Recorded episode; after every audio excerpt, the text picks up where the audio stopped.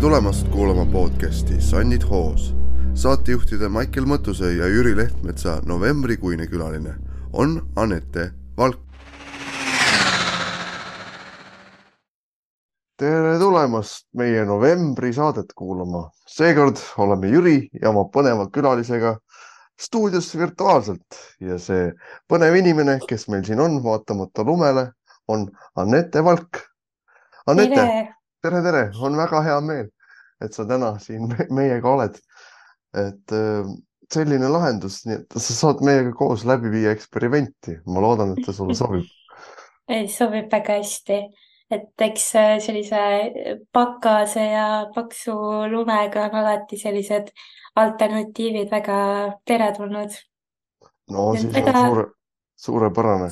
Meie kasutame ka sellisel kujul seda asja esimest korda, nii et näeme, mis siit välja tuleb. aga ma usun, et täitsa toimib see asi. Jüri, kuidas sinul lood on?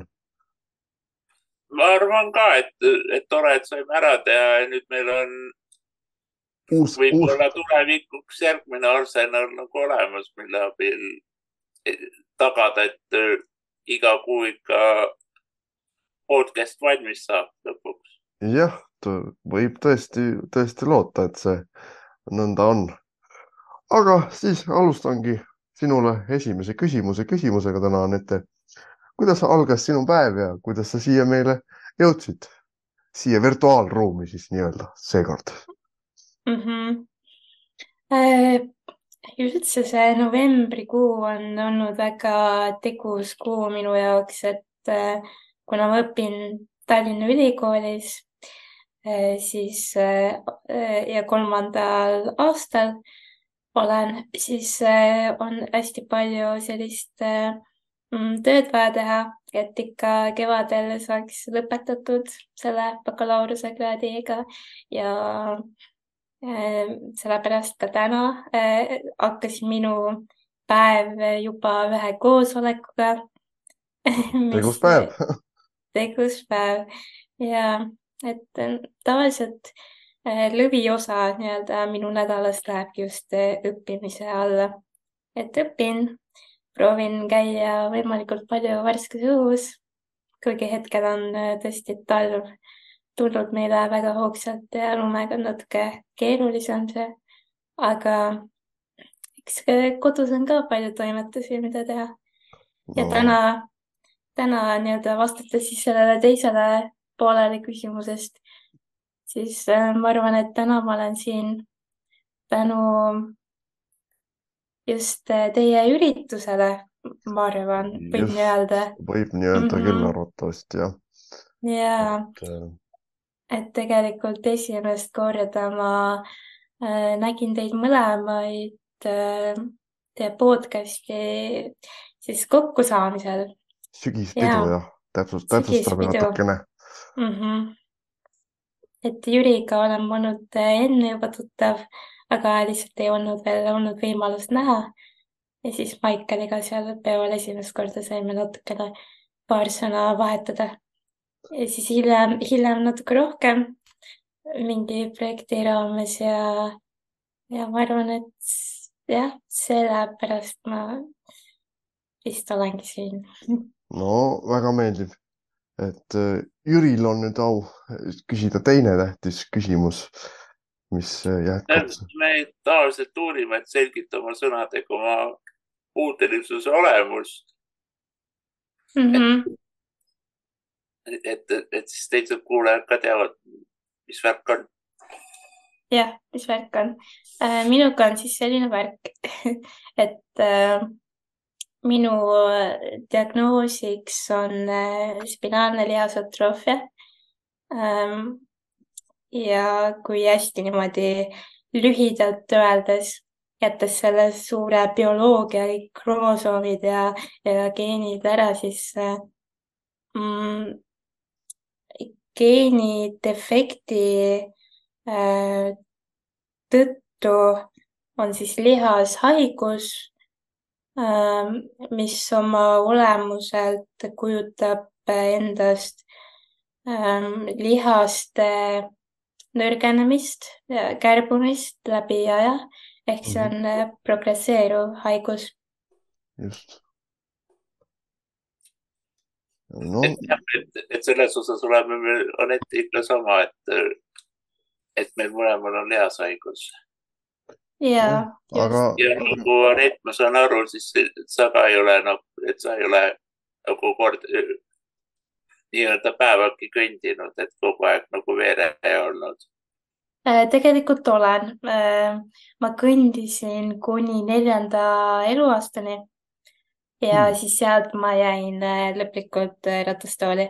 et see, noh, kuna see haigus on geneetiline, siis see juba algas mul, see, see haigus on minul olnud sünnist saadik, aga see hakkas äh, avalduma äh, minu esimestel aastatel, kuni siis äh, neljandaks eluaastaks olin ratastoolis. ja minu puhul täpselt ei teagi, kuna SMA-l on äh, neli erinevat äh, tüüpi, siis mina olen täpselt teise ja kolmanda nii-öelda vahel või noh, täpselt ei teagi, et kas ma olen nüüd teine või kolmas tüüp, sest äh, äh, nii-öelda nende geenikoopiate arvu suhtes oleksin ma nagu tüüp kaks, aga samas, kuna ma hakkasin ikkagi kõndima, siis, siis nagu oleks tüüp kolm. aa, et sihuke, sihukene, ütleme siis faktiline erinevus võib asjade vahel olla. mm. -hmm. väga, väga põnev, sellest mina ei tea midagi, Jüri vast arvatavasti teab no rohkem. nende no, versioonide vahe on jah, see nii-öelda, mis see lihas nõrkus nagu on, onju. Mm -hmm. ja siis seal on vist, ma saan aru, tagurpidi, et neli on nagu hullem kui üks vist või? või on vastupidi, ma ei mäleta. pigem vastupidi ja et SMA ühe puhul eh, laps tavaliselt eh, ei ela üle esimese aasta, ühe aasta siis. aga neljanda puhul eh, täitsa inimene võib kõndida ja tunneb eh, natukene väsimust. see, nii et see amplituud võib väga erinev olla. ja see on ja, ja ka tüübisiseselt on väga individuaalne protsess või seisund, kuidas inimene üldse ennast tunneb ja on, et jah, see on väga, väga lai ja varieeruv. no sellega ma saan aru, et sa said nüüd koos Endraga ka nüüd ravimi lõpuks kätte. jaa, aa, väga on hea, see on väga hea uudis. mm. -hmm. see on super.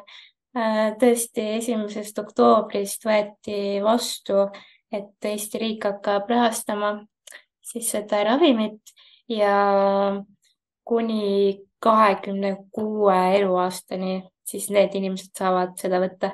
Ja mina sinna kuulun nende tingimuste järgi ja nüüd olen siin võtnud jah, vaikselt. Ja kas sul juba mingit efekti jah, tunned sa mingit erinevust või? mm, ma arvan, et äh, natuke läheb aega, et ma võib-olla täielikult saaksin seda võrdlust äh, niimoodi märgata äh,. hetkel lihtsalt on selline suur äh,, hästi suur ja lootusrikas tunne, et oh, tore, et selline asi on üldse valminud ja tore, et Eesti riik rahastab seda lõpuks ja me saame seda võtta ähm, mingid kõrvalmõjud on väikesed, aga noh, eks see on selline paratamatus, mis äh, ravimite puhul võib tekkida. jah, seda, seda küll, aga lo loodame, et need positiivsed mõjud siis avalduvad äh, varsti, varsti, varsti.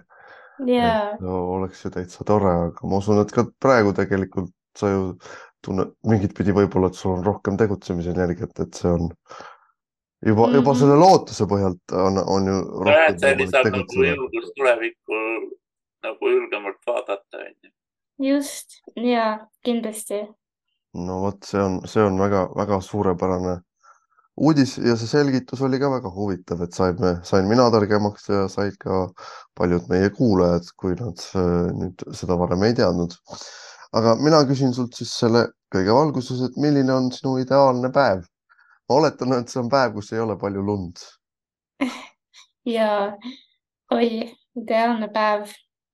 mulle väga, kui me juba siin räägime aastaaegadest, siis äh, ma tohutult armastan sügist ja ma, ma arvan, et minu ideaalne päev kuulukski just äh, sügise aastaaega, kus on selline äh, mõnus soe natuke päikest ja juba lehed on maas, kirjud. ja ma ärkaksin üles juba hästi sellise kerge olemisega. ja on... näiteks, jah. see on väga ilus kirjeldus sellest ideaalsest päevast, aga jätka palun ma lihtsalt pidin seda mainima. ja, ja ma arvan, et äh, just äh, mis teeb ühe päeva väga heaks päevaks, ongi ilmselt selline kerge tunne ja, ja rahulolu tunne. väga selline armastusväärne tunne, et äh, ükskõik siis, mida teha. jah, ma, isegi ei tea, mida ära tuua, et mis oleksid need ideaalsed tegevused. aga ma arvan, et hommikul äh, ühe tee, tassike tee joomine ja siis äh, mõnusasti väljas äh, liikumine, kus saab kanda mantlit salli ja, ja siis läbi ilusa sügisilma jõuda lõpuks tuppa tagasi ja teha mingeid toredaid produktiivseid asju ja võib-olla sõpradega midagi ja niimoodi vaikselt kulgemine. mulle väga niimoodi tempokad päevad ei meeldi, mulle meeldib rahulikult minna no vaata, kui hästi sul tegelikult see kõik on nagu paika pandud heas mõttes, et rahulik kulg ja mhm. tassike teed ja väga, väga hästi, väga hästi oled sa asja enda jaoks paika pannud ja kohe lemmikaastaaeg valitud ja et äh, suurepärane lähenemine, ma ütleks. et sa oskad nagu hinnata neid väikseid detaile ka, et ei ja. pea veel kogu aeg olema absoluutselt, nendes pisikestes asjades leidub nii palju võlu väga-väga meeldib niisugust detailset lähe, lähenemist kuulata, paneb mõtlema, kas, kas meil endal sinuga, Jüri, seda, seda nii palju ongi. no võimalik, et ikka on, aga võib-olla natuke teisel kujul. no ma ei tea, minu puhul, et siis seda nii-öelda vaikset olemist väärtustad siis, kui sul on nagu mingid intensiivsemad nii-öelda päevad või ajad nagu möödas. et siis sa oskad nagu hinnata seda vaikset päeva, aga muidu mm. -hmm. et mulle meeldib sihuke värk ja pauk, et kõik peab toimuma ja nii edasi. no eks see. aga, aga kust sa võtad oma power'i, et neid päevi veeta niimoodi rahulolus? ma arvan, et võtmesõna on eh, tasakaal et äh, nagu sa ise ka mainisid, et, et sinu jaoks on äh, kõige mm, kergemad päevad või noh, ütleme äh, kergendust täis päevad just pärast intensiivset aega. et ma arvan, et sealt see kontrast tuleb ja ei ole ju ühte ilma teiseta. Et peabki kogema vahepeal neid intensiivsemaid päevi et siis olla pärast äh, lõdvestunud ja, ja rahul. ja ma arvan, et minu äh, rahulolu tulebki just äh, nendest allikatest, mis siin läbi ka käis, et, et märgata väikseid asju ja nautida neid. sealt tuleb see tasakaal. et siis tasakaal ja sihuke harmoonia ongi elus tähtsal kohal, et tunda end, tunda end hästi minu arust oligi see, see koroonaperiood oli väga hea näide, kuidas vaata ennem eeldati, et, et noh, puudega inimestel on tore kodus Zoomis või kus iganes neid asju mm. ajada ja käia, teha loenguid ja see ongi õige. aga kui nüüd nii-öelda tavainimene pandi seda olukorda, et sult nagu mingi hetk lihtsalt võeti see võimalus ära, et sa ei saanudki käia nagu. et siis võib-olla jõudis kohale, et, et, et ega see arvuti tagant pidevalt asjade tegemine ei olegi nii lihtne või, vaimselt vähem frustreeriv, et, ja, et, et see, et kindlasti selle tähelepanu sellele ära, aga, aga nagu ikka, inimesed unustavad selle ruttu, nii et, et selle peale, selle mõistmise peale väga palju loota ei tasu. no eks see võib-olla kindlasti avas mingis mõttes mõningate inimeste silmi ja mõtlemist vähemalt, et lo loodame, et nad siiski seda kõike nii, niipea ei, ei unusta. me küll Loodame. Nat natuke vist saame juba aimu, aga ma küsin sult järgmise küsimusena, et milline on sinu ideaalne puhkus? mm, ideaalne puhkus. noh, puhkus juba iseenesest eeldab seda, et kohustusi ei ole, eks et äh, siis olekski selline mõnus hommik, kus ma saan ise ärgata, sest äh, ma olen pigem õhtuinimene ja eelistan kaua magada hommikuti ja kui ma ei pea ärkama üles hommikul, siis see on äh, noh, nii vara, siis on suurepärane. ja aga mida tähendab, et millal siis oleks ideaalne aeg üles tõusta? Mm, no see on ka muutunud nüüd vanusega, et kunagi ma võisin täitsa magada kaheni välja, aga nüüd ma olen vanaks jäänud juba, et ma olen väga rahul, kui ma magan näiteks üheteistkümneni. see on juba väga-väga hea. võtan nüüd kinni, kas saab öelda, et eh, progress või, või tagasi, Just. tagasilangus jah, Äh, aga on, on selles, on selles ideaalses puhkuses veel midagi peale hea une? seal võiks olla mm, aega minu äh, hobide jaoks. näiteks, näiteks mulle meeldib kirjutada väga. ma kirjutan äh, kas lihtsalt äh, midagi oma päevikusse või kirjutan luuletusi. Ja, ja mulle ikkagi meeldib väljas käia. et äh, ideaalne puhkus kindlasti sisaldaks ka ühte jalutuskäiku. miks mitte, miks mitte mõne sõbraga koos. no väga-väga mitmetasandiline lähenemine. et no siit on hea kohe minna järgmise küsimuse juurde, väga Et- hea jah, kummalisi kohtumisi sul ette tuleb, kui sa ringi liikud, et meil kipub neid ikka ette tulema, et mm. kusjuures ma ei ole väga ammu äh, kohanud äh, kedagi, kes äh, võib-olla mõjuks mulle niimoodi kummaliselt.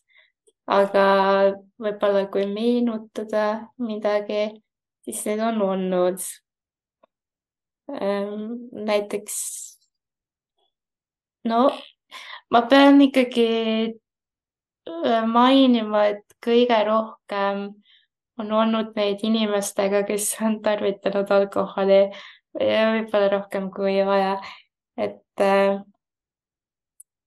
esimesena meenub kohe aastavahetus.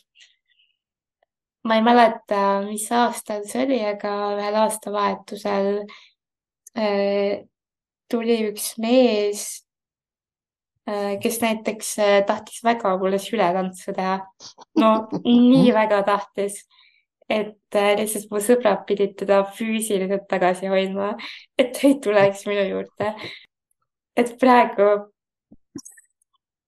praegu on äh, naljakas selle peale tagasi mõelda, aga samas seal hetkes olles on nii äh, hirmuäratav, sest äh, ega seda just jah, nagu äh, Sest, kuidagi äh, teistmoodi võtta ei saa. Ja see on päris hirmus, sest sa oled natukene nagu paanikas sellepärast ka, et no elektrirattastooliga liikudes, et keegi võib sulle tahtmatult nagu kangi pihta minna ja siis oled seal selle tooliga, mida sa ei kontrolli, onju, et see on päris hirmus. ja no selle loo puhul oligi rohkem see, et ma, noh, kui muidu on lihtsalt hirm, et äkki keegi läheb tooli pihta ja siis äh, sõidab endale või teisele otsa, no siis me paneme ju tooli kinni juba ennetades probleemi. ma usun, et teil on ka see või noh, Jüril on see, et kui keegi tahab tulla kalistama mingi, siis sa pead kohe panema kinni. no mõnikord on nii ka juhtunud, et oled mingis söögikohas, tooli sisse jätnud siis teenindaja tuleb selja tagant ja siis paneb sulle käega pihta ja siis ta oi lapsendab edasi nagu. Mhm. korduvalt on nii juhtunud. et just, et jah, et aga no selle loo puhul oli pigem see, et ma, ma kohe tahtlikult ei saanud eh, panna tooli kinni, siis ma pidin kogu aeg nagu ära minema, onju. jah, nojah, et see, see ei oleks väga hea mõte olnud, et ei saagi minema minna. Aga ütleme niimoodi, et nende kummaliste kohtumistega on mul väga vedanud, et mul on alati keegi kõrval olnud. sest eh, noh, eks paratamatult eh, selliste haiguste puhul em, inimesed on üsna abitud sellistes olukordades, kus keegi tuleb jõuga peale ehk et eh, et eh, mul on vedanud, et mul on alati sõbrad olnud lähedal ja, ja üldiselt on inimesed ikkagi toredad linnapildis, et ei kohta väga tihti selliseid inimesi, kes eh, tahavad sületantsu teha või, või kallistada või no aga seda, seda on ainult me meeldiv kuulda. muidugi jah, ma ütleks, see süle, sületantsu pakkuja tahtis ka meeldiv olla, aga, aga tal läks veits teistpidi. et aga lo loodame, et tal siiski elus, elus läheb hästi, vaatamata tema äh, kergelt veidratele sõprus, sõprus äh, loomise plaanidele. et äh, kui sa, kui sa neid linna mööda liigud ja, ja on neid, on neid kohtumisi või siis mitte, siis kuidas sa nagu suhestud ligipääsetavuse ja selle rõõmude ja valudega, et kuidas see sinu jaoks on? Et noh, te, teie Jüriga, kui te ikkagi elektriratastooli kasutate, siis teie olete need, kes loovad selle nii-öelda etaloni, et, et kuidas sa tunned, et kas sina saad sinna, kuhu sina tahad minna? mina olen eh, kasvanud üles väikeses linnas Haapsalus ja see on väga armas ja südamelähedane koht ja eh, kuna ma olen siin ikkagi terve oma elu elanud, siis ma olen lihtsalt ära õppinud, et kust ma saan ja kust ma ei saa. ehk et iga nurk on minu jaoks nii selge, et ma olen äh, enda jaoks ära õppinud selle ligipääsetavuse. aga kui ma lähen jällegi uude linna ja ma ei tea äh,, kuidas ma liikuda saan või millised on tingimused, siis just äh, just äh, tänu sellele ma võib-olla mõistan paremini, et äh, kui suur probleem see ikkagi on Eestis. et kasvõi kui taha, tahaks minna mingile üritusele ja vaatan kodulehte, siis tavaliselt äh, isegi kui sinna saab, sinna kohta, kuhu, kuhu tahaks, ei ole kodulehel kirjas, et sinna saab. juba see on nagu omaette probleem, et äh, see on kindlasti see on väga suur probleem. ma tooks selle välja, et näiteks äh, siin mõnes kohas on väga pikk, terve lehel kirjeldus, kuidas loomaga tulla saab, ja, ja aga, aga kuidas ratastooliga selle kohta info puudub. pead helistama, kirjutama, uurima ja siis, siis on ka nagu suht palju oleneb, mida see inimene oma arv-, peas mõtleb asjade all. Ja muidugi see klassikaline lause, et me tõstame, et mm. -hmm. ja siis see, no ma mitu korda nagu no, ja siis see inimeste frustratsioon sellest, et nad sind aidata ei saa. see on ka Jaa. ikka päris korralik, et, et nad tahaks igatpidi kangutada ja vähemalt kuidagi sinna, sind ära tuua, onju, aga, aga füüsiliselt see ei ole lihtsalt võimalik. nojah, et, et ega, ega nagu jah, kuna, kuna teie lisavarustus kaalub hästi palju ja teil on seda sellisel kujul vaja, siis see on nagu loogiline. et noh, inimesed mõtlevad, vaata, soovivad head, aga, aga ja, loogika tuleb vahele. või, või kasvõi oma enesetunne, et ega mina olen väga arglik, et kui keegi hakkab tõstma, ega ei, ei lähe eriti suure hurraaga selle mõttega kaasa, et pigem, pigem väldiks selliseid äh, potentsiaalseid kukkumisi või, või haiget saamisi. aga eks see nii ole, et inimestele meeldib aidata ja, ja eriti kui on veel selline mingisugune side veel loodud, et kas äh, selle töötajaga, kes, kelle äh, asutusse me tahame minna või siis ähm, keegi kusagilt mujalt, kes helistab näiteks meiega, et kohe, kui on selline esmane kontakt loodud, siis ikkagi nad tahavad mõelda variante, et me saaksime, aga lihtsalt võib-olla see on see teadlikkuse küsimus ka, et nende variandid piirduvadki sellega, et me tõstame sind aga need teised, teised variandid, äh, noh, need oleks nagu olemata. aitaksid seda varianti nagu vältida, eks ole, vajadusel mm. -hmm. Et... ja kindlasti see teadlikkus ka sealjuures. et jah. eks seal ongi jah, et, et mingi paar aastat on ületatav ja seegi on sihuke nii mõnigi kord üsna korralik ekstreemsusakt, mida keegi teine võib-olla ei julgekski teha, et mm. -hmm. et kas, kas siis kaldteedega või ma ei tea, mida iganes, lauajupiga või mida iganes. et, et siin on endal ka olnud mitmeid kordi, et vast kõige veidram oli, käisime seal Lugala teatris, siis seal pidi jutustukka olema ja siis muidugi see läks katki ja ei töötanud ja siis äh, mingid lavatüübid leidsid mingi, mingi asja, mis paindus läbi ja, ja siis ka kuidagi sai üles, aga no,. et, et, et, et siukseid olukordi tuleb nagu ette, et oma arust on nagu kõik nagu olemas, aga ikka läheb jamaks vot me natuke rääkisime siin, et, et sa ei ole väga äh, julge selles osas, et kui, kui on vaja abi küsida abivajaduse korral, kuidas sa suhestud sellesse, et ma saan aru, et sul ei ole väga seda julgust, et äh, niimoodi küsida, et kui, kui kuskil see on või, või siiski teatud olukorras?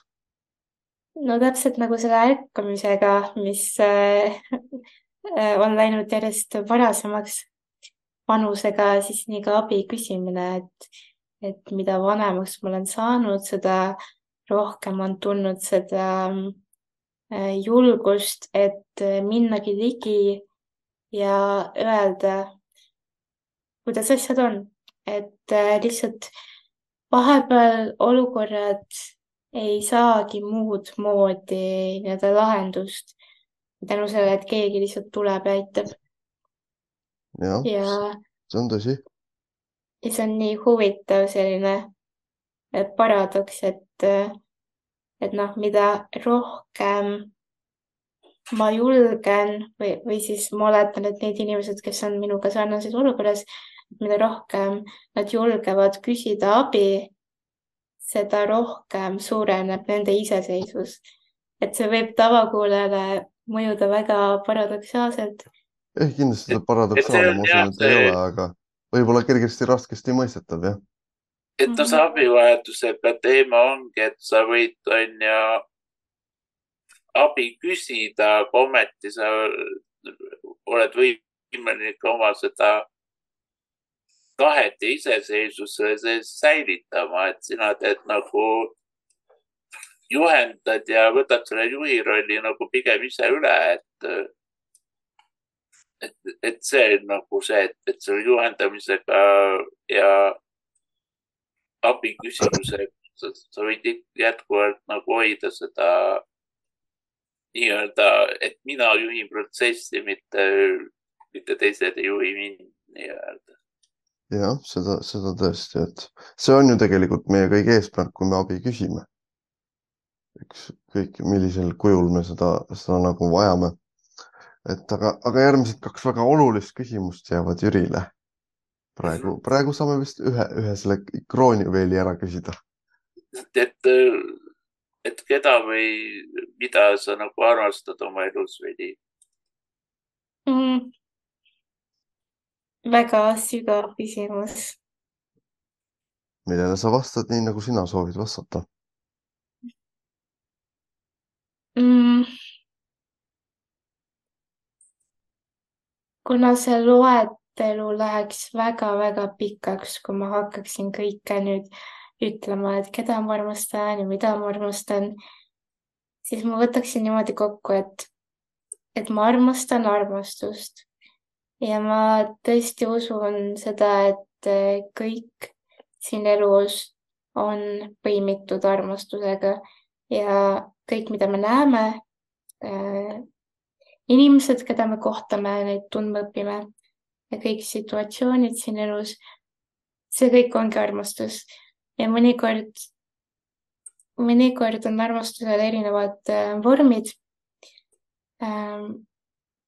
mõnikord on väljundiks hoopiski armastuse puudumine äh,, selle kontrast, aga ikkagi see, see kõik on see kõik on ikkagi kuidagimoodi äh, armastuseni viiv, nii et, et kõik äh, see hõlmab seda, et ma arvan, et äh, niimoodi paari sõnaga vastates, siis ma ütleksingi täpselt väga, nii, et väga, armastus.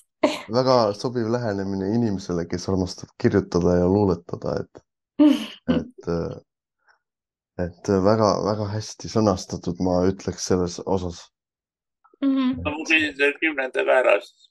no küsi, küsi. et, et lähme teise skaala, et lähme teise skaala otsa, et mis siit pahaseks teeb või, või, või närvi ajab või midagi sellist.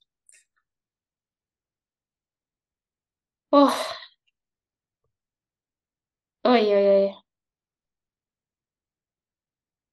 pahaseks mm.. ma tahaks vastata, et ebaõiglus aga ma saan aru, et siis on järgmine küsimus, et aga mis on ebaõiglus? et. no ei pruugi olla, kui sa seda ei soovi. ei pruugi jah. ebaõiglus on väga hea vastus. eks, eks jah, igaüks suhestub erinevalt sellega, mis on ebaõiglusega. aga võib-olla ebaõiglus oleks selline lühike vastus. aga väike kokkuvõte, et mis, mis ta sinu jaoks on, kas sa mõtled nagu ebaõiglust üldis, üldiselt maailma mõistes või, või enda suhtes või kuidas sa seda mõtled? pigem ja mingisugused äh, olukorrad äh,, mis minu jaoks tunduvad äh, kellegi millegi suhtes ebaõiglused. et äh, noh, keegi teeb kellelegi liiga kuidagimoodi, mis eh, minu meelest ei ole üldse õige. see on juba ebaõiglus ähm,. vahepeal tuleb see väga niimoodi kaudselt välja, et näiteks mingisugused õnnetused juhtuvad kellegagi, mingi looduskatastroof ja, ja keegi saab väga-väga haiget ja kellegi ähm, keskkond täiesti lõhutakse ära siis see olukord iseenesest tundub ebaõiglane. et noh, see on väga erinev lähtuvalt siis olukorrast. ma arvan, et see on väga hea vastus ja kohe saame liikuda edasi järgmise küsimuse juurde, et mm -hmm. näha, näha, mis. nii, aga jätkates siis äh, meie küsimustega, äh, võin mina sinult küsida, et äh, kas usk on sinu elus oluline?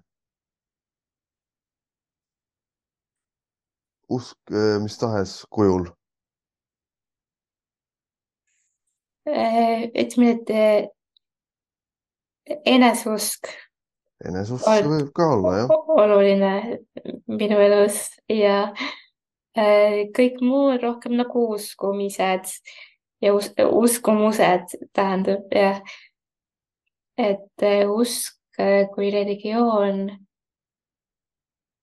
ei ole elus. no ilus, ilus, aus, aus vastus. aga kas sa tunned?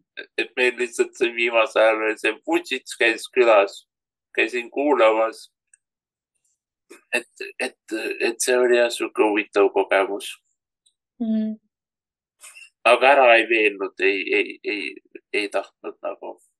ei tahtnud ümber, ümber mõelda, aga Anette, kas ei sa, tahtnud nagu valida.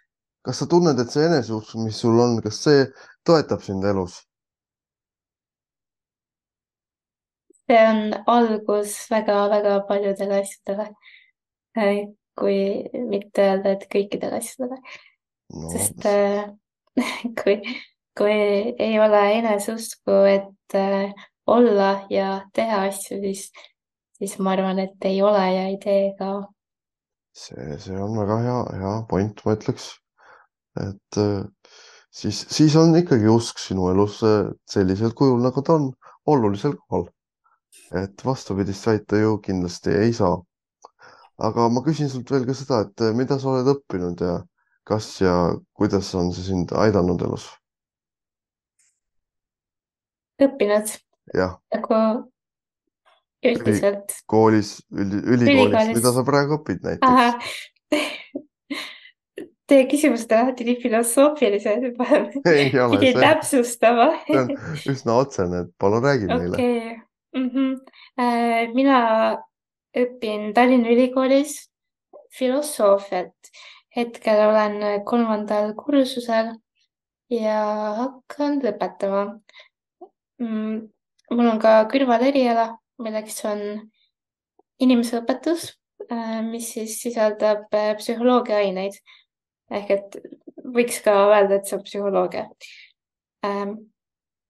ja lõpuks äh, ma saangi siis endale filosoofia bakalaureusekraadi ja sellega edasi ma plaanin minna magistrisse äh, ka filosoofiat õppima. et see filosoofia on äh, väga minulik aine. Et ma tegelikult alguses äh, olin täiesti veendunud, et mina lähen õppima psühholoogiat. ja ma olin selles kindel äh, alates põhikoolist saadik äh, kuni gümnaasiumini välja. siis vahepeal tulid teised huvid, et kirjandus ja antropoloogia näiteks, aga aga psühholoogia oli see väga kindel, mis oli alati kõigutamatult esimesel kohal.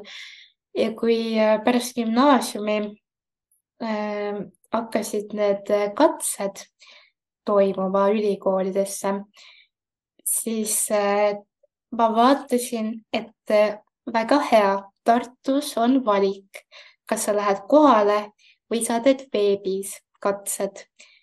Kuna Tartu on Haapsalust kaugel, siis loomulikult oli mul ülimalt hea meel, et ma saan teha internetis sisseastumise ja sisseastumiskatsed ja äh, kui ma olin ennast ära registreerinud, keel läheb juba nii sassi selle päeva lõpuks, kui ma olin ennast ära midagi. registreerinud, siis Eh, siis ma tahtsin ka ennast registreerida Tallinnasse psühholoogia erialale. Aga siis tuli välja, et Tartu eh, veebikatse ja Tallinna Ülikooli katse on täpselt samal päeval. ehk siis eh, no ei õnnestunud ja ma mõtlesin, et olgu, mida ma nüüd siis teen, et ma ei hakka muutma. kuidagi sisetunne ütles, et eh, las jääb nii nagu on ja ma võtan Tallinna eh, selle psühholoogia sisseastumisidee eh, peale ühe teise või noh, asendan selle teise ideega ja siis Jah. ma lihtsalt võtsin ette Tallinna Ülikooli lehe ja Mhm. hakkasin niimoodi scroll ima erinevaid erialasid, kuni siis lõpuks vaatasin, et filosoofia, põnev. Mul oli äh, kaks tingimust, et, et miks ma siis valin äh, mingi asja ja üks tingimustest oli see, et, et ma ei viitsi minna teha mingeid katseid. nagu ma Oh, tahaks lihtsalt väga hea nagu, tingimus. jah ma lihtsalt tahan hästi ruttu nagu kuhugi ära registreerida ennast. ja filosoofias vaatasin, et okei okay, on vaja ainult mingi, see vist oli ainult eesti keele riigieksami punkte piisavalt ja motivatsioonikiri. ja see oli kõik, mis vaja oli. ja mulle sobis. ja siis vaatasin, et okei okay, äh,, mul on aega veel viis tundi, et esitada motivatsioonikiri, sest see oli kõige viimane päev, kui ma sain üldse esitada seda. ehk et äh, pidin ruttu tegema ja mul oli sõbrannadega kokku lepitud, et me lähme poole tunni pärast välja. ehk nad ootavad mind väljas, et ma poole tunni pärast kindlasti oleksin enda maja ees ja ma teadsin, et okei okay,, ma pean ruttu tegema ma tegin oma elu kõige kiirema motivatsioonikirja saatsin kõik dokumendid, asjad ära ja poole tunniga kõik tehtud, saadetud. et võib öelda, et see filosoofia oli selline väga viimase minuti äh, valik. aga kui ma läksin äh, vestlusele äh,, siis äh, mulle öeldi kohe, et äh, me väga ootame sind, et see see andis niisuguse hea tunde, et, et ma olen nagu, ma olen oodatud ja, ja ka see komisjon, kes seal oli, see, see arutelu nendega pani mind ka tundma, et, et mulle meeldib kõneleda nendel teemadel ja, ja mulle meeldib kirjutada nendel teemadel. ja praeguseks hetkeks, kui ma olen juba varsti äh, kolm aastat seda õppinud, noh, täpsemini siis äh, kaks ja pool, et siis väga-väga äh, naudin ja kõrvalerialana ma saan ka oma psühholoogia annuse kätte, nii et kõik nagu läkski väga hästi.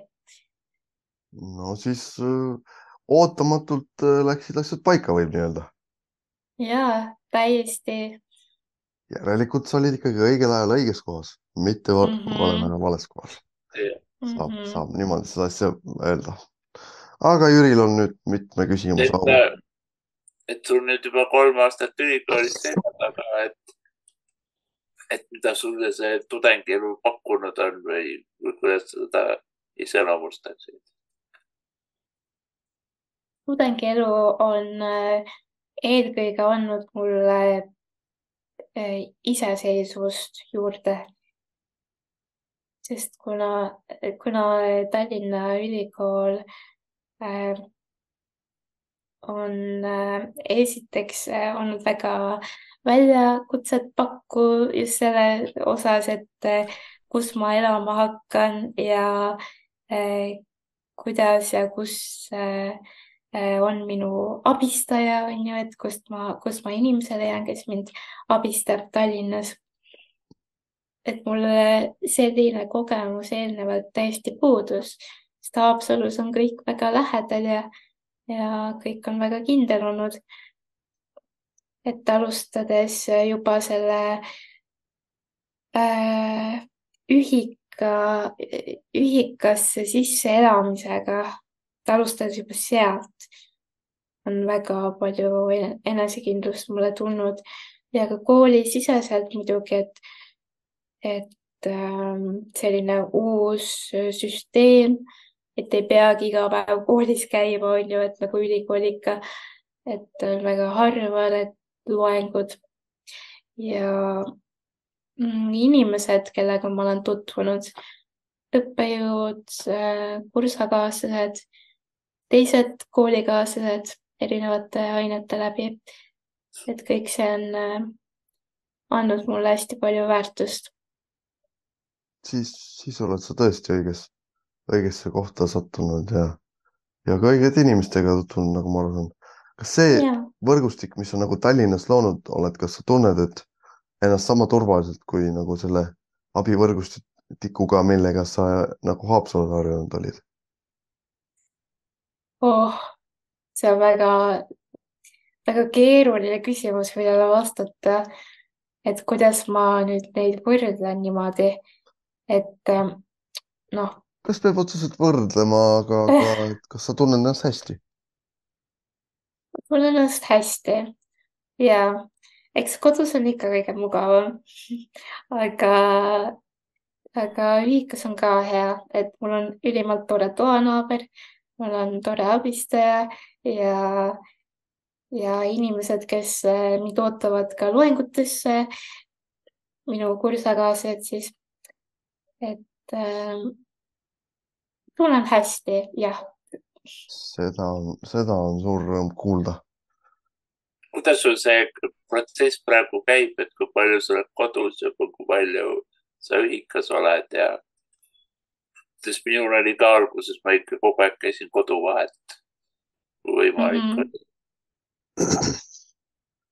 ja mina käin ka väga palju kooli ja kodu vahelt, eriti kolmas aasta on teada-tuntud selle poolest, et tunde eriti ei toimu. hetkel mul ongi niimoodi, et ainult neljapäeviti on äh, loengud. Äh, nüüd jah, äh, mul on ka üks veebitund või veebiaine, mille ma olen endale saanud, mis muidu peaks toimuma ka koolis kohapeal, aga, aga saime ära räägitud, et saan hoopis veebis olla, mis on väga, väga hea ja praktiline. ning ega rohkem ei olegi ja ilmselt järgmine semester pärast talve äh, kaovad veel mingid tunnid ära, et kas üldse on vaja kooli minna, siis et ei tea. kuidas sa muidu tavaliselt Haapsalu ja Tallinna vahel liikud? seal rong, rong tuleb nagu kaugemalt, et päris Haapsalu ei jõua vist.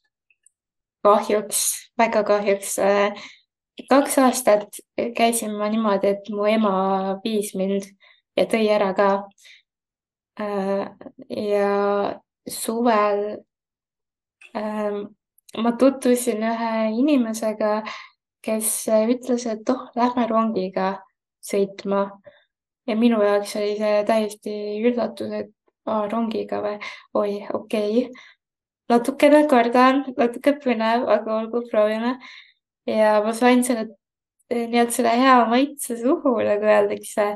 ja pärast suve ma hakkasingi ainult rongiga käima niimoodi, et mu ema viis mind eh, Tallinna asemel Turbasse, mis on eh, pool maad vähem ja Turbast läksin siis rongiga Balti jaama ja sealt ma sain juba ise ühikasse, see ei ole üldse kaugel. aga see see on on ju megatunne, kui sa ikkagi nagu ise oled kohale jõudnud, ise teinud. keegi sind kuhugi eh, bussiga ära vedinud oleks, et see on hoopis teine. Täpselt ja rongiga sõita on väga mugav. esiteks on tasuta, seal on kohe eraldi koht ja kuna ma, ma tulen Turbast ja lähen Balti jaamas, siis mul on alati ka see privileeg, et kedagi ei ole enne ees ka, pirattaid ei ole ees. et need on kohe sellised äh, algus- ja lõpppeatused. ja, ja ka väga toredaid inimesi kohtab rongi peal, see on ka väga tore selline võimalus äh, saada tuttavaks kellegagi. et see on lahe. jah no,. ootan juba, et, ootan juba, et suvi ära suleks, et saaks hakata jälle. saaks jälle rongiga, rongiga seiklema hakata, see on ju, see on ju väga hea plaan. aga kui sinult küsida, et eh, mida, mis tööd sa teed või mis sa oma eluga teed, siis saab öelda, et sa praegu eh, tegeled ülikooli viimase aastaga.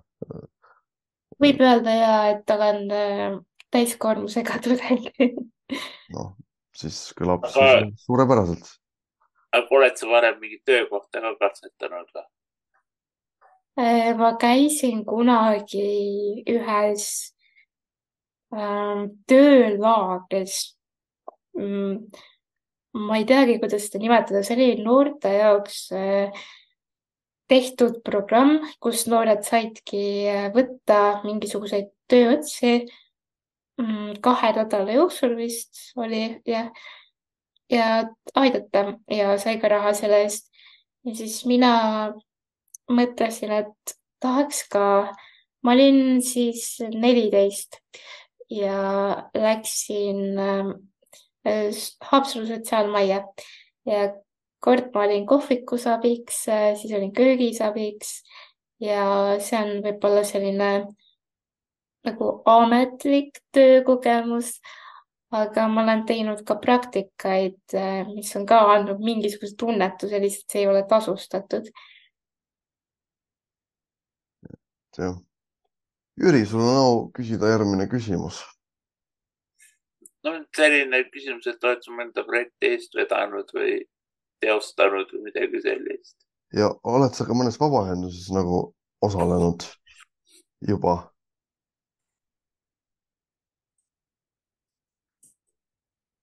Ma olen ähm, teinud äh,. Jüri, saad sa uuesti küsida, palun? et noh, põhimõtteliselt, et kas sa oled nagu mõnda projekti teinud või kuidas sul jah, jah. suhestud nagu selle vabaühenduste maastikuga, et ja see on äh, alati tore, kui saab aidata ja eriti tore, kui asjad liiguvad, et seda on oma silmaga näha. et äh, noh, just läbi võib-olla praktikate, praktikakohtade on eriti olnud seda näha, et äh, kas noh, näiteks hetkel ma olen MTÜ Loomus sellises organisatsioonis, kes on siis loomade heaolu eest väljas ja just eile toimuski heategevuslik mälumänguõhtu, kus äh, sai siis äh, mängida, teha viktoriini ja, ja samas annetada sellega loomade heaks ja näha, kuidas äh, inimesed tahavadki muuta seadusi ja ja muuta tingimusi, et loomadel oleks veel parem. seda on hästi tore ja, ja väga tore on ise ka panustada sellesse. ja samas ka kõik muu, et sellised väikesed asjad äh, mm, lihtsalt äh, näiteks aitamas käia, kui on ühepäevased äh, sellised äh, näiteks jõulueelsed äh, annetuste jagamised toidupakkide jagamised, et ka seal on oldud.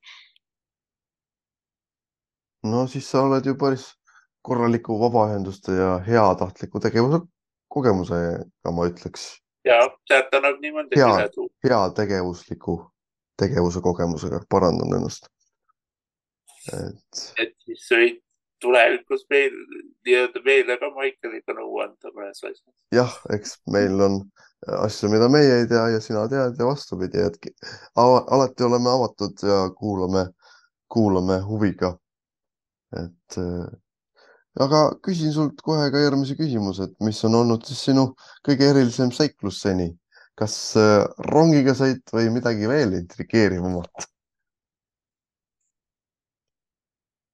oi jälle nii suur küsimus, et kuna, kui meie äh, see episood algas selle mõttega, et, et äh, väikestes asjades leiab väga palju võlu, siis nüüd on äh, väga, väga keeruline leida mingit ühte konkreetset kõikide asjade vahel. kõik on ju nii toredad ja erilised ja ja omamoodi äh, äh arengut pakkuvad. võtame selle suve lõikes näiteks.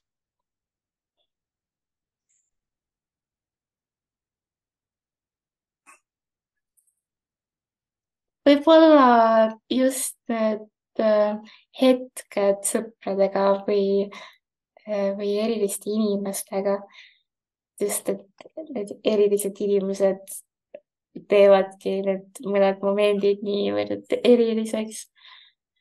kas see ongi äh, muust linnas käimised või, või üritustel käimised või lihtsalt olemised äh,. Ja, ja lihtsalt teada, kui armsad on inimesed meie ümber. et näiteks me sõbrannaga suvel lihtsalt otsustasime, et võiks midagi ägedat teha. Ja siis me läksimegi rongiga äh, Tallinnasse ja tegime toredaid asju.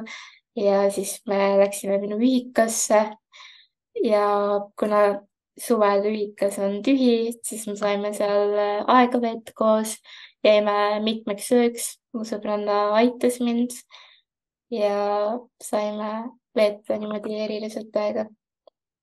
no see, see kõlab täitsa toreda suure, suur, suurima seiklusena nii-öelda see on tõesti päris põnev. et mis te, et mis kohti sul Tallinnas meeldib muidu külastada tavaliselt? Mis sul silma kõrva jäänud on? Umu on alati väga tore paik, kuhu minna, väga ligipääsetav ähm,. siis äh, ma, ma pean tunnistama, et ma ei ole eriti palju Tallinnas käinud niimoodi. ma olen võib-olla paari näitust käinud vaatamas. aga üldiselt äh, muidugi Tallinnas kohti, kui keegi küsiks, et mis on kõige parem toidukoht näiteks Tallinnas, ma ei oskaks vastata. no küllap. aga kui Haapsalu kohta seda ja, küsida oh, oh, hea küsimus. sest ma tean, et tavaliselt kohalikud on hädas sellegagi. no Haapsalus on ju väga häid eh, toidukohti ja, ja isegi oleme tiitli saanud, et eh, parim eh, kohvikute pealinn. väga põnev aga..., seda ei teadnud isegi mina aga. aga mis sulle meeldib seal kohvikutest? et ma, ma ise sain ka kunagi no,, varem sai käidud Haapsalus nagu teatritsioonis nagu paljugi, et siis sai ka kõik need kohad, mis kuhu vähegi sisse veereda kannatas, siis sai ära käidud, et mis sulle yeah. mm,? kui, kui kellelegi meeldib Aasia toit, siis soovitan minna mandariini äh,. kui aga äh, meeldivad saiakesed ja pirukad, niimoodi väikest äh, sellist äh, kohvi ja teed võtta kõrvale, siis kindlasti soovitan minna Müüri ääre pagarisse ja kõige paremad torteid on muidugi Diedrichis ja suvel on väga palju meil ähm, suveterrasse ja, ja avatud, avatud kohvikuid. nii et siis väljas saab äh, käia äh, väga palju igal pool. et äh, soovitan tulla suvel siia Äh, nautima kohvikuid. Ja muidu ka Haapsalu on väga ilus äh, koht. ja eks siin äh, Haapsalus ka selle ligipääsetavusega läheb aastatega järjest paremaks. et kutsun, Haapsalu ootab teid. Vot, et kui te ei tea, mida see talv või jõuluaeg teha, siis minge äkki Haapsalusse, vaadake, vaadake, mis seal põnevat on aga mina laiatan jälle kahe küsimusega. mis sa tunned, on su suurim saavutus ja kes on su suurim eeskuju? rõhk on sõnal suurim mm. -hmm. suurim saavutus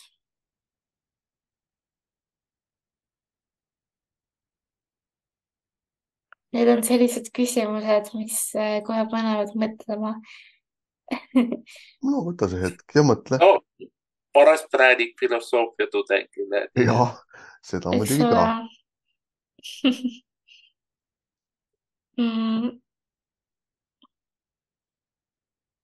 ma just äh, hiljuti rääkisin äh, oma emaga sellest, et äh, tegelikult kui vahva kuidas kõik on ikkagi mm, niimoodi läinud, et, et kuhu süda äh, ihkab. et äh, kuidagi läinud äh, meie elus niimoodi, et me oleme saavutanud selle äh,, kuhu poole meie süda ihkab. et need väikesed sellised eesmärgid et kui põhikool hakkas lõppema, siis ma väga tahtsin äh, saada sisse gümnaasiumisse. Ähm, ja ma käisin enne rääkimas ja vaatamas ja kuidas äh, inimesed äh, seal olid nii vastutulelikud ja nad isegi ehitasid WC ümber ja, ja andsid mulle äh, väravakoodid ja et, et igatahes oleks kuidagi kergem ja veel parem olla seal õppija. ja see kuidagi ja siis pärast, kuidas oli järgmine eesmärk, et väga tahaks ülikooli minna ja kuidas see on vähenenud. et ma arvan, et äh, suurim saavutus äh, ilmselt ongi see tunne, kuidas äh, kuidas on nii suur usaldus, et äh, saab ja et äh, tuleb äh, proovida ja vaadata ja lõpuks näha ka seda tulemust, et, et kui enda poolt anda see signaal välja, et, et okei okay,, ma olen nüüd valmis selleks, ma väga soovin seda, et siis reaalselt asjad lähevadki nii. Mm, see on ju tõesti suur, suur ja ilus saavutus, ma ütleks aga, aga selle eeskuju osas tunned sa, et sul on keegi? see võib ka olla mitu keegit, see ei pea olema ainult üks mm. -hmm. eks mul ole iga inimesega niimoodi, et äh, keda ma kohtan, siis äh, äh, igast inimesest tuleb või tõuseb esile mingisugune omadus, mis äh,, mis domineerib ja, ja siis äh, tajun kohe, et vau, see on, see on midagi, mis inspireerib mind ja, ja teisi ja see on midagi, mis teeb selle inimese nii omanäoliseks. Ja võib-olla sealt äh, sellest omapärasuse inspiratsiooni tulvist, siis ma võtan selle killukese endasse ja, ja siis äh, see ongi justkui mingi eeskuju. aga kui rääkida spetsiifiliselt, siis ma arvan, et kõige suurem su,, kõige suuremad tükikesed ma olen võtnud ikkagi oma äh, perekonnalt sugulastelt ja e esiotsas ikka mu ema. ja mu ema on äh, hästi võimas ja tugev ja tark ja ilus. ja see, kuidas ta ähm, mõtleb ja olukordasid lahendab, et see on, see on mind väga mõjutanud väga-väga ilusti kokku võetud see mõte nii selles laiemas pildis kui siis konkreetse, konkreetsemas võtmes äh, puudutades oma sugulasi, oma ema, et sa tõesti oskad väga ilusti niimoodi filosoofiliselt ja inimlikult öelda. seda on väga-väga meeldiv kuulata. ja, ja ah. väga tore, et su elus on need inimesed, kes sind niimoodi kild killu haaval suudavad ins inspireerida. ja aga... teie, teie samamoodi, et see, et ma praegu olen ja teiega siin rääkida saan, see on, see on väga-väga meeldiv. hea meelega jagame neid tükikesi, aga Jüril on üks yeah küsimus, millest tema, ma ütleks, on, on meie, meie ekspert, nii et palun. et nüüd äh, järgmine teisipäev valib Eesti Puuetega Inimeste Koda Eesti kolm mõjukavat puudega inimest. ja see siis no Inglismaal valitakse top sada, aga küsime sinult siis niisugune kolm puudega inimest, keda sa Eestis jälgid ja kellele sa kaasa elad mm.. Mm -hmm. see on väga-väga lahe küsimus äh,. pean tunnistama, et ega ma ei ole väga palju käinud äh, üritustel ja, ja võib-olla mm, sellistes kohtades, kus ma oleksin saanud tutvuda äh, puuetega inimestega, et võib öelda isegi, et teie sügispidu oli äh, üks äh, vähestest, äh, kus ma saingi näha ja, ja ka natuke rääkida nendega, kes on teie saates käinud külas või siis keda olen niimoodi läbi tutvuste kuulnud, et oh, tema on see ja tema on see. Et see oli hästi tore näha neid. Ja, ja tore on kindlasti pidada äh, alati meeles äh, sind, Jüri ja sind, Maicel, et kui keegi küsibki, et kes on siis Eestis need äh, ägedad, kes äh, veavad Eesti igasuguseid projekte, asju, siis kindlasti teie nimed hüppavad pähe.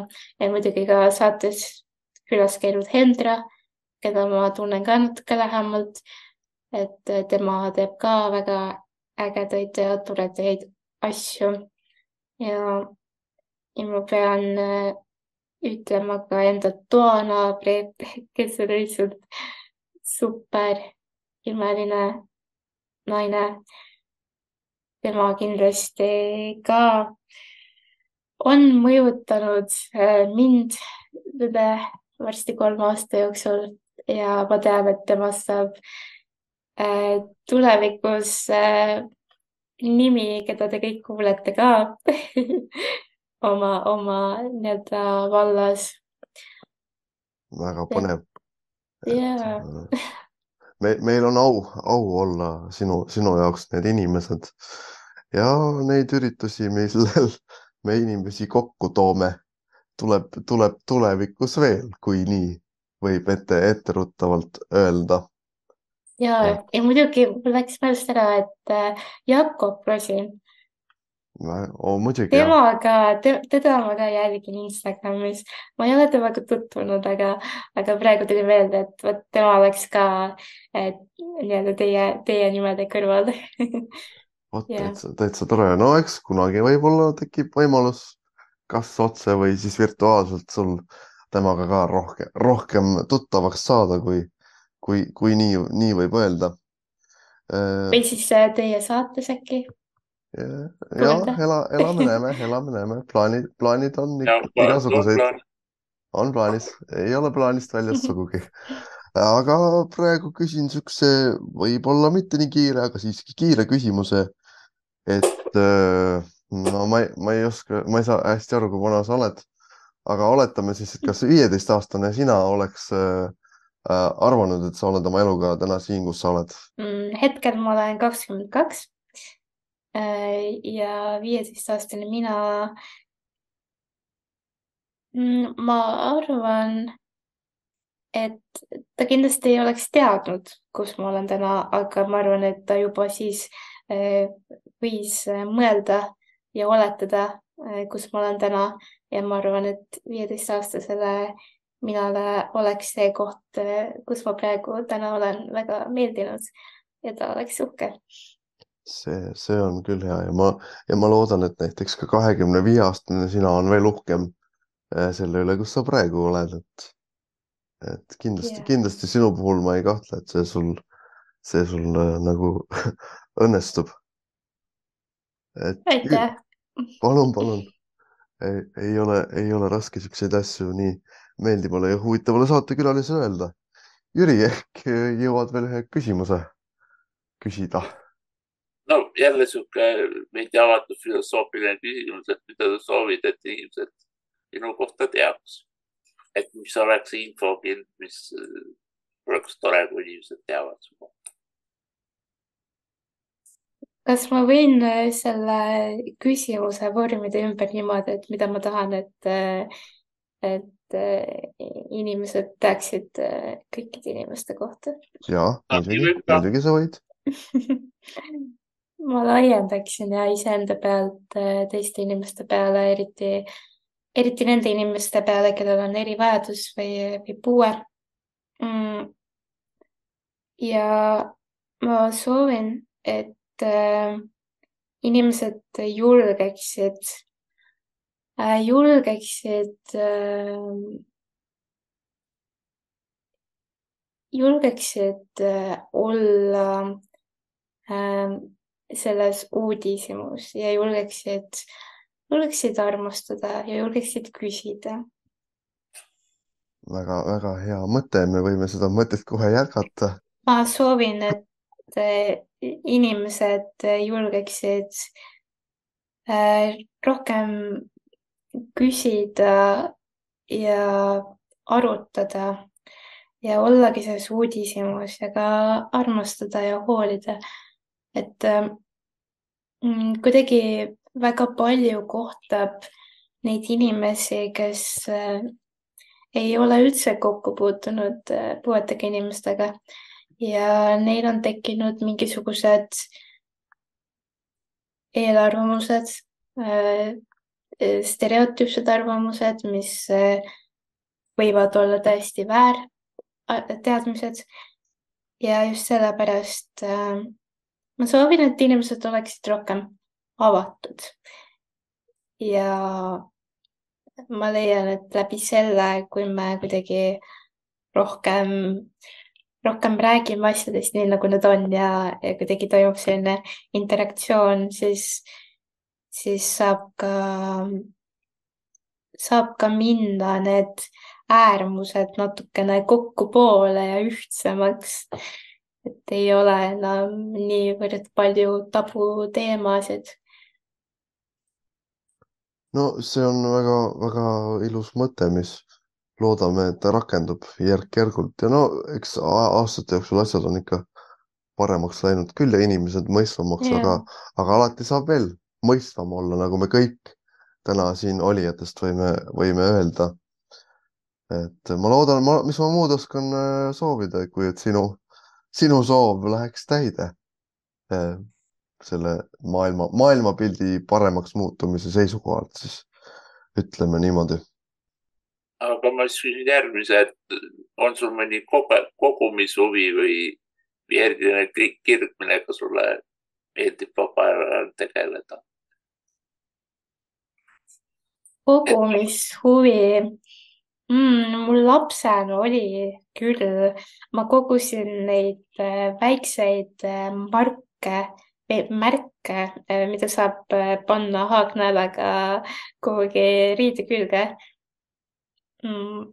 väiksed ümmargused ja siis äh,, siis mul läks huvi üle äh, kilekoti kogumise huviks, et kogusin. huvitav progressioon on ju, et ma lasin et ma lasin tuua äh, sõpradel, kes käisid välismaal kilekotte ja, ja vennad, kes kinkisid aga see, see oli ka, see oli väga lühikest aega äh,. siis mul see kadus ka ära, sest ma mitte kunagi ei kogunud nagu väga teadlikult, ma lihtsalt hakkasin kokku korjama ja siis, siis äh, see nägi välja nagu kogumine. aga äh, jah, ei, ma väga ei kogu midagi, pigem äh, vabal ajal ma äh, tegelen näiteks äh, käsitööga. mulle meeldib väga teha käsitööd ja no nagu enne öeldud, siis mulle meeldib kirjutada. loodan tulevikus ka anda raamatu välja oh,. Ja... kas sa kirjutad proosalt või luulet? ma, ma kirjutan äh, luulet, aga äh, mu raamat äh,, ilmselt esimene raamat saab olema romaan. vähemalt hetkel tundub nii. mis sorti romaan siis tuleb? et mis sorti romaan siis tuleb, tripka või, või midagi muud? ei, see on rohkem selline äh, ütleme, ütleme nii, et äh, filosoofiline romaan filosoofiliste mõtisklustega ja, ja selline äh, pigem nagu noorte romaan, mida saavad lugeda kõik vot väga, väga. kui see on loogiline. väga, väga põnev, põnev, põnev idee et ma küsin sult kaks niisugust aktiivset küsimust, mis teeks aktiivselt elamise sulle veel lihtsamaks ja on mõni sport, millega äh, sa tegeleda tahaksid, mis su, mis su südame põksuma paneb mm,? sport, oi, äh, kunagi ma käisin äh, gümnaasiumis sellises valikaines nagu mõttesport. ja ma sain aru, et äh, malemängijat minust ei saa ah,. nii et noh, see, aga see arusaamine on ka elus oluline.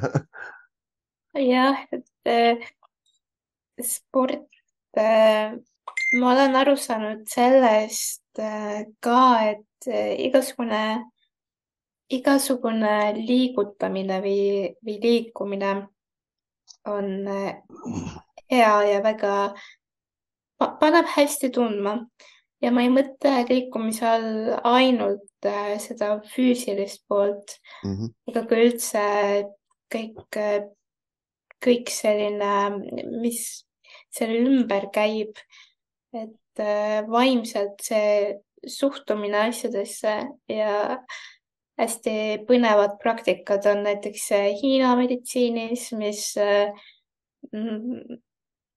mis vajavadki mõttetööd, et äh, need, need inimesed, kes on aastaid äh, teinud äh, füüsiliselt äh, nii-öelda seda trenni, teatud trenni, nende jaoks ongi nagu see kõrgem etapp saada seesama trenn teha kõik ajuga, sest see signaal on sama. see ei ole nagu füüsiliselt, aga see signaal on sama ehk et see oleks nagu selline veel kõrgem siht. Kõrgem Äh. siht, jah. jah, et ala, et noh, et noh, ajule või kehale pole vahet, kas sa teed seda nagu ise või, või, või annad lihtsalt signaali. just, just, et noh, ma siin väga julgelt ei, ei, ei taha öelda, et ärge nüüd tehke trenni, et ainult mõelge, et te teete trenni, et mitte Ja, ja. päris seda, et see on ikkagi selline äh,, see on ikka teatud seisund, kus sa pead olema või sa pead väga uskuma sellesse ja, ja nägema vaeva, aga jah, kasvõi mediteerimine, ka see on nagu väga, väga hea. kas seda saab spordiks nimetada, ma ei tea, aga võib-olla kui tuua mingi paralleel, et kui ma sporti ei tee, aga vot mediteerin, et võib-olla see teeb nagu enam-vähem sama välja. väga huvitav paralleel, see, see ei ole, kusjuures ma arvan, et see, see ei ole üldse sugugi, see, see on tegelikult ju tõsi, nii et, et sa oled õigel teel, nii et äh, jätka selles suunas ja, ja me teised saame ka siit jälle uue mõtte ja võimaluse võrra rikkamaks, et, et kuidas seda, aga, aga see aktiivselt elamine, mida sa võid ka mõttejõul teha, et mis, mis, mis muidu praktilises mõttes sulle seda veel lihtsamaks teeks? mm,. kindlasti äh, ligipääsetavus ja, ja ka enne, mis me rääkisime, et kui rohkem inimesi äh, oleks valmis võib-olla nagu mõtlema erinevate lahenduste peale, et see annaks ka nagu sellist ajendit juurde, et oh, et teeme asju kas siis sotsiaalselt või eh, füüsiliselt mingisugune eh, treening või või ükskõik, kasvõi ka reisimised, et ma olen eh, viimasel ajal väga-väga palju mõelnud eh, välismaale minemise peale ja, ja vaadanud igasuguseid blogisid ja videoid, kuidas, kuidas eh, ratastooli kasutajad reisivad ja mis, mis maa, mis maa tõmbab praegu? mis sul silma jäänud on? oi, ma olen väga muutlik selle teema koha peal, et äh, üks päev ma mõtlen, et Inglismaa, siis ma mõtlen juba, et ei, teeme Austraalia, siis ma mõtlen, et oh, tegelikult läheks Portugali ja siis alati on mind tõmmanud Island, ma tahan väga-väga minna Islandile. ühesõnaga, need lähevad väga niimoodi kõikuvalt.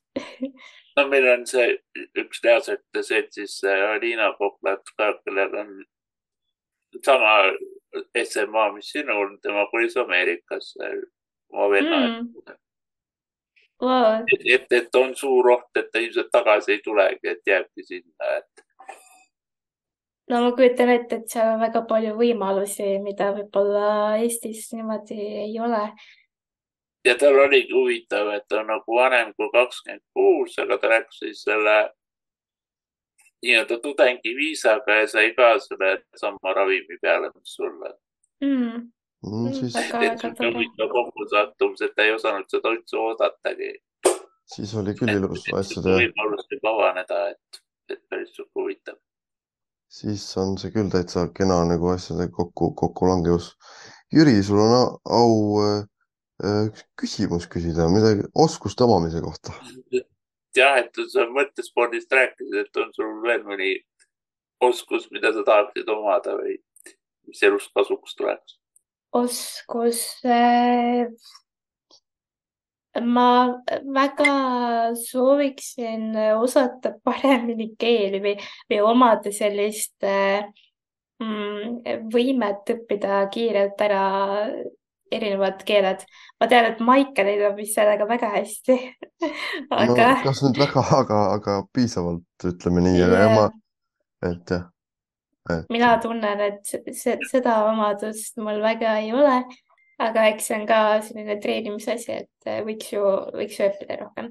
Äh, samas ka äh, kunagi ma käisin muusikakoolis, õppisin klaverit. Ma seda ära ei lõpetanud, aga ma käisin seal mõned aastad. et nagu algteadmised on olemas, võiks, võiks nagu seda võib-olla kuidagi mm, rohkem osata võimekuse piirides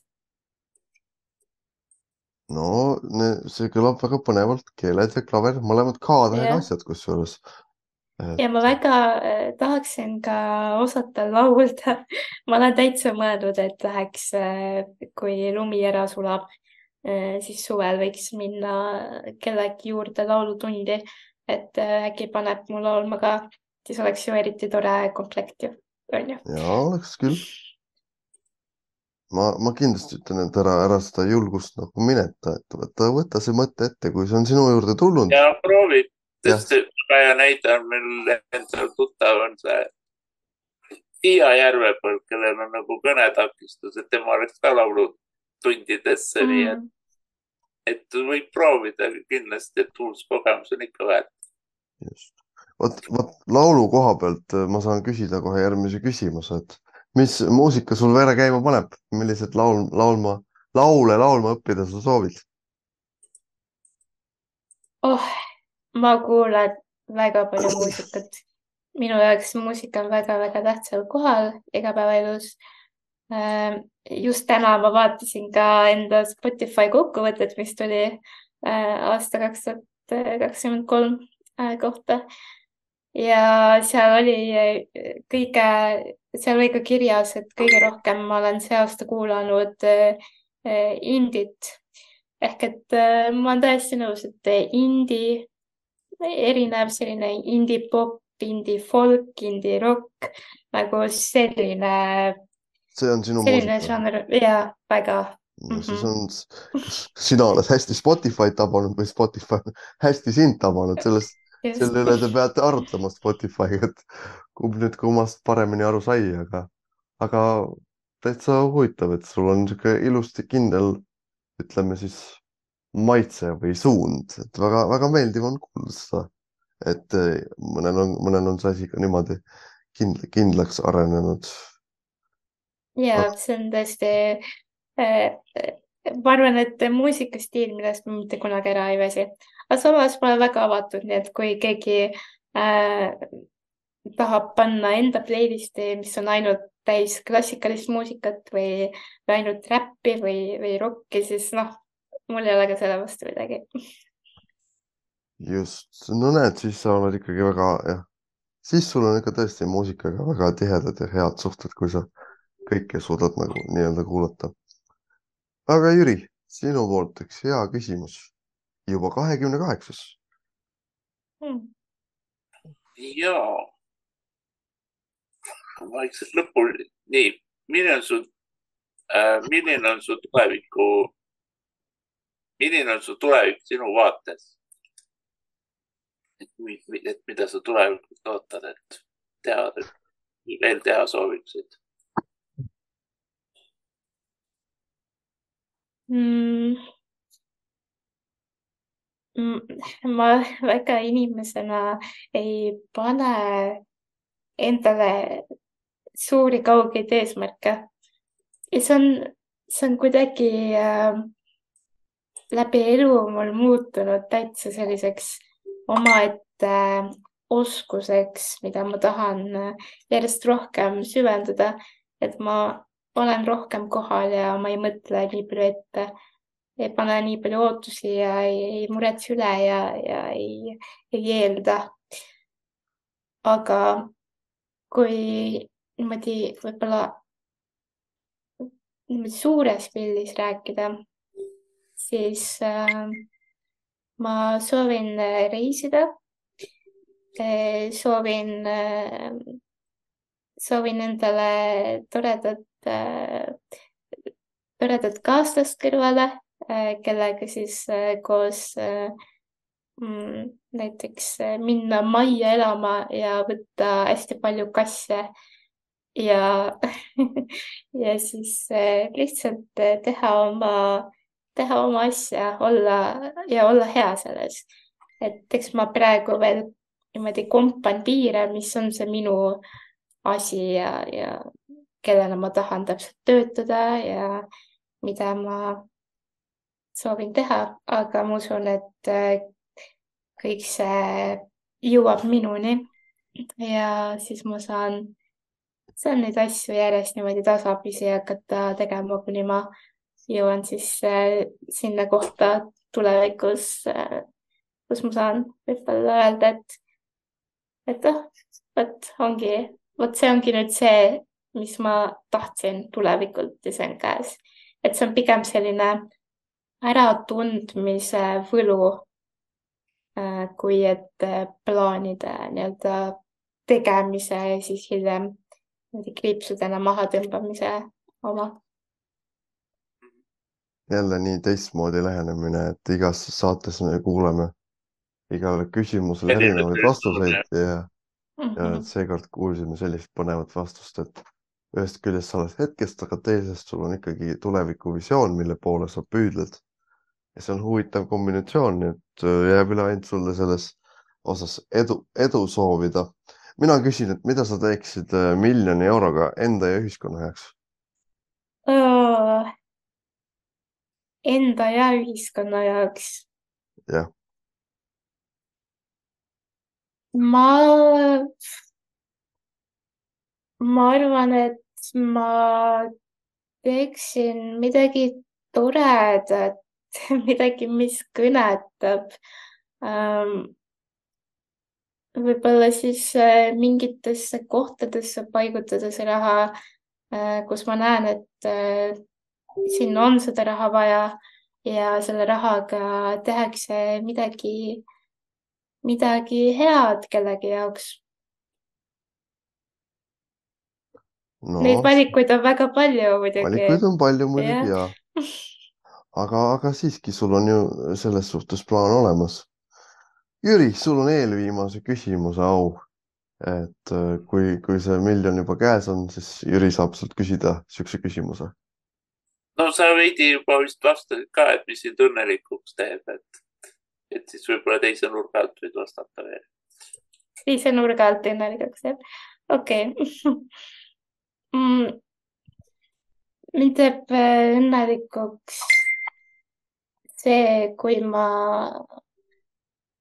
kui ma tunnen, kui ma tunnen äh, end armastatud ja, ja kui ma saan seda armastust ka jagada.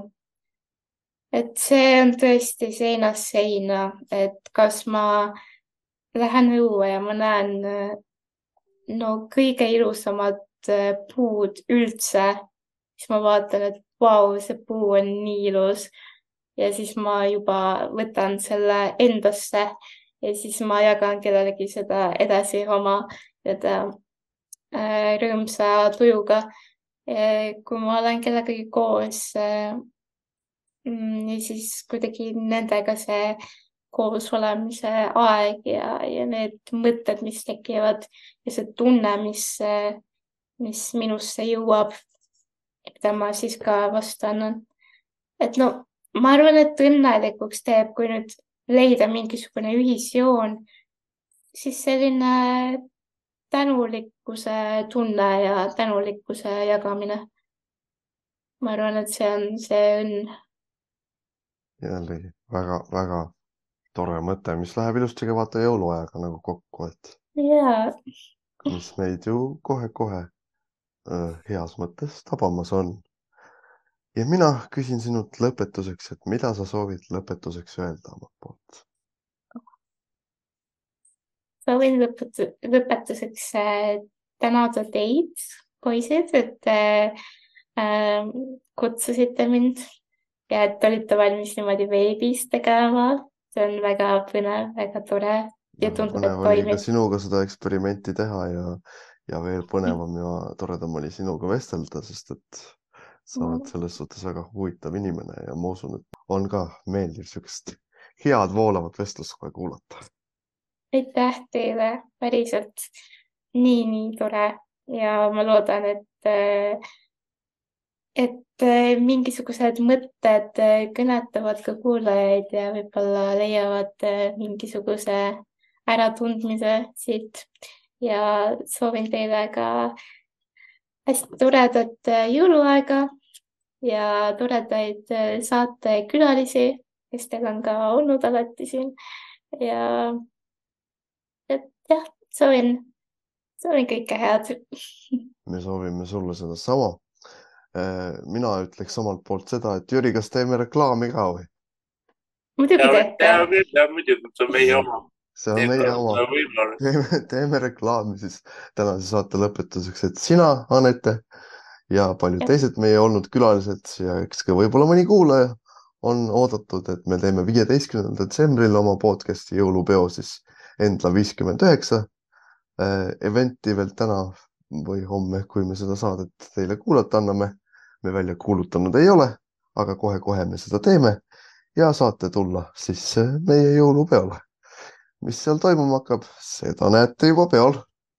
ega kõike ilusat saa kohe ära rääkida siis nii. Jüri, kuidas sina selle asja ja, ja tänase saate kokku võtaks?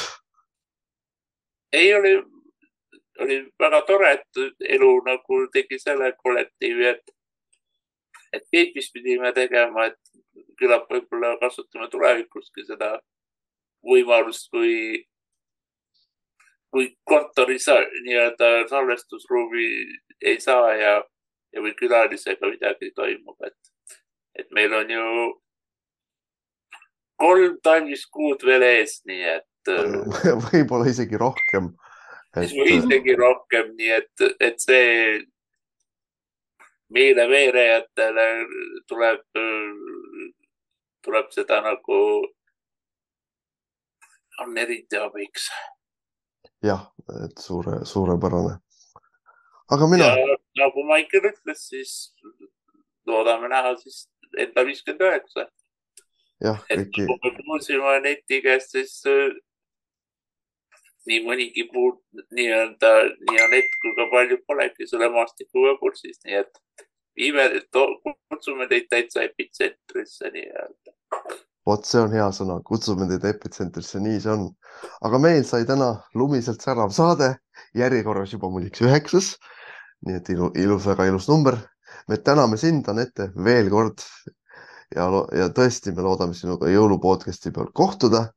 Teie aga, meie kuulajad, olge tublid ja tegusad ning ehk, ning ehk näete isegi mõnda päkapikku lumes askeldamas. kohtumiseni detsembris, kus meile tulevad plaani kohaselt külla lausa kaks külalist nii et saab väga põnev olema. suur tänu.